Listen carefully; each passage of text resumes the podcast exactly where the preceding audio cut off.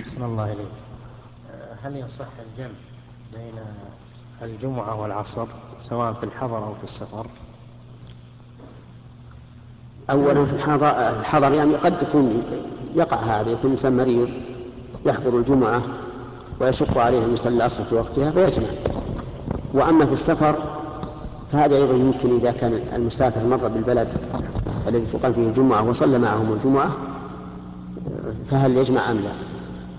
وأما السفر الإنسان فيه السائر فهذا ليس فيه جمعة لأن النبي صلى الله عليه وسلم سافر ولم يكن يقيم الجمعة في أسفاره حتى في عرفة صادف يوم الجمعة ومع ذلك لم يقيم الجمعة صلى الله عليه وسلم.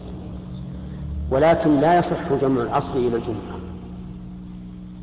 لأن السنة إنما وردت بجمع العصر إلى الظهر.